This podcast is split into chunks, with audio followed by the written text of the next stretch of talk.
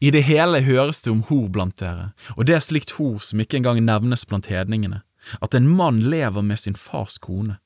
Og dere er oppblåste, burde dere ikke heller sørge, slik at han som har gjort dette, kunne bli støtt ut fra dere?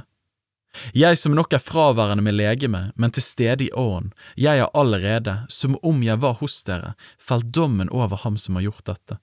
I vår Herre Jesu navn skal dere og min ånd samles i vår Herre Jesu kraft, for at Han som har syndet, skal overgis til Satan til skjødets ødeleggelse, for at Hans ånd kan bli frelst på den Herre Jesu dag.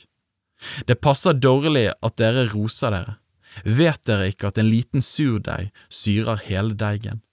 Rens derfor ut den gamle surdeigen, så dere kan være ny deig, siden dere er jo usyret. For vårt påskelam er slaktet, Kristus.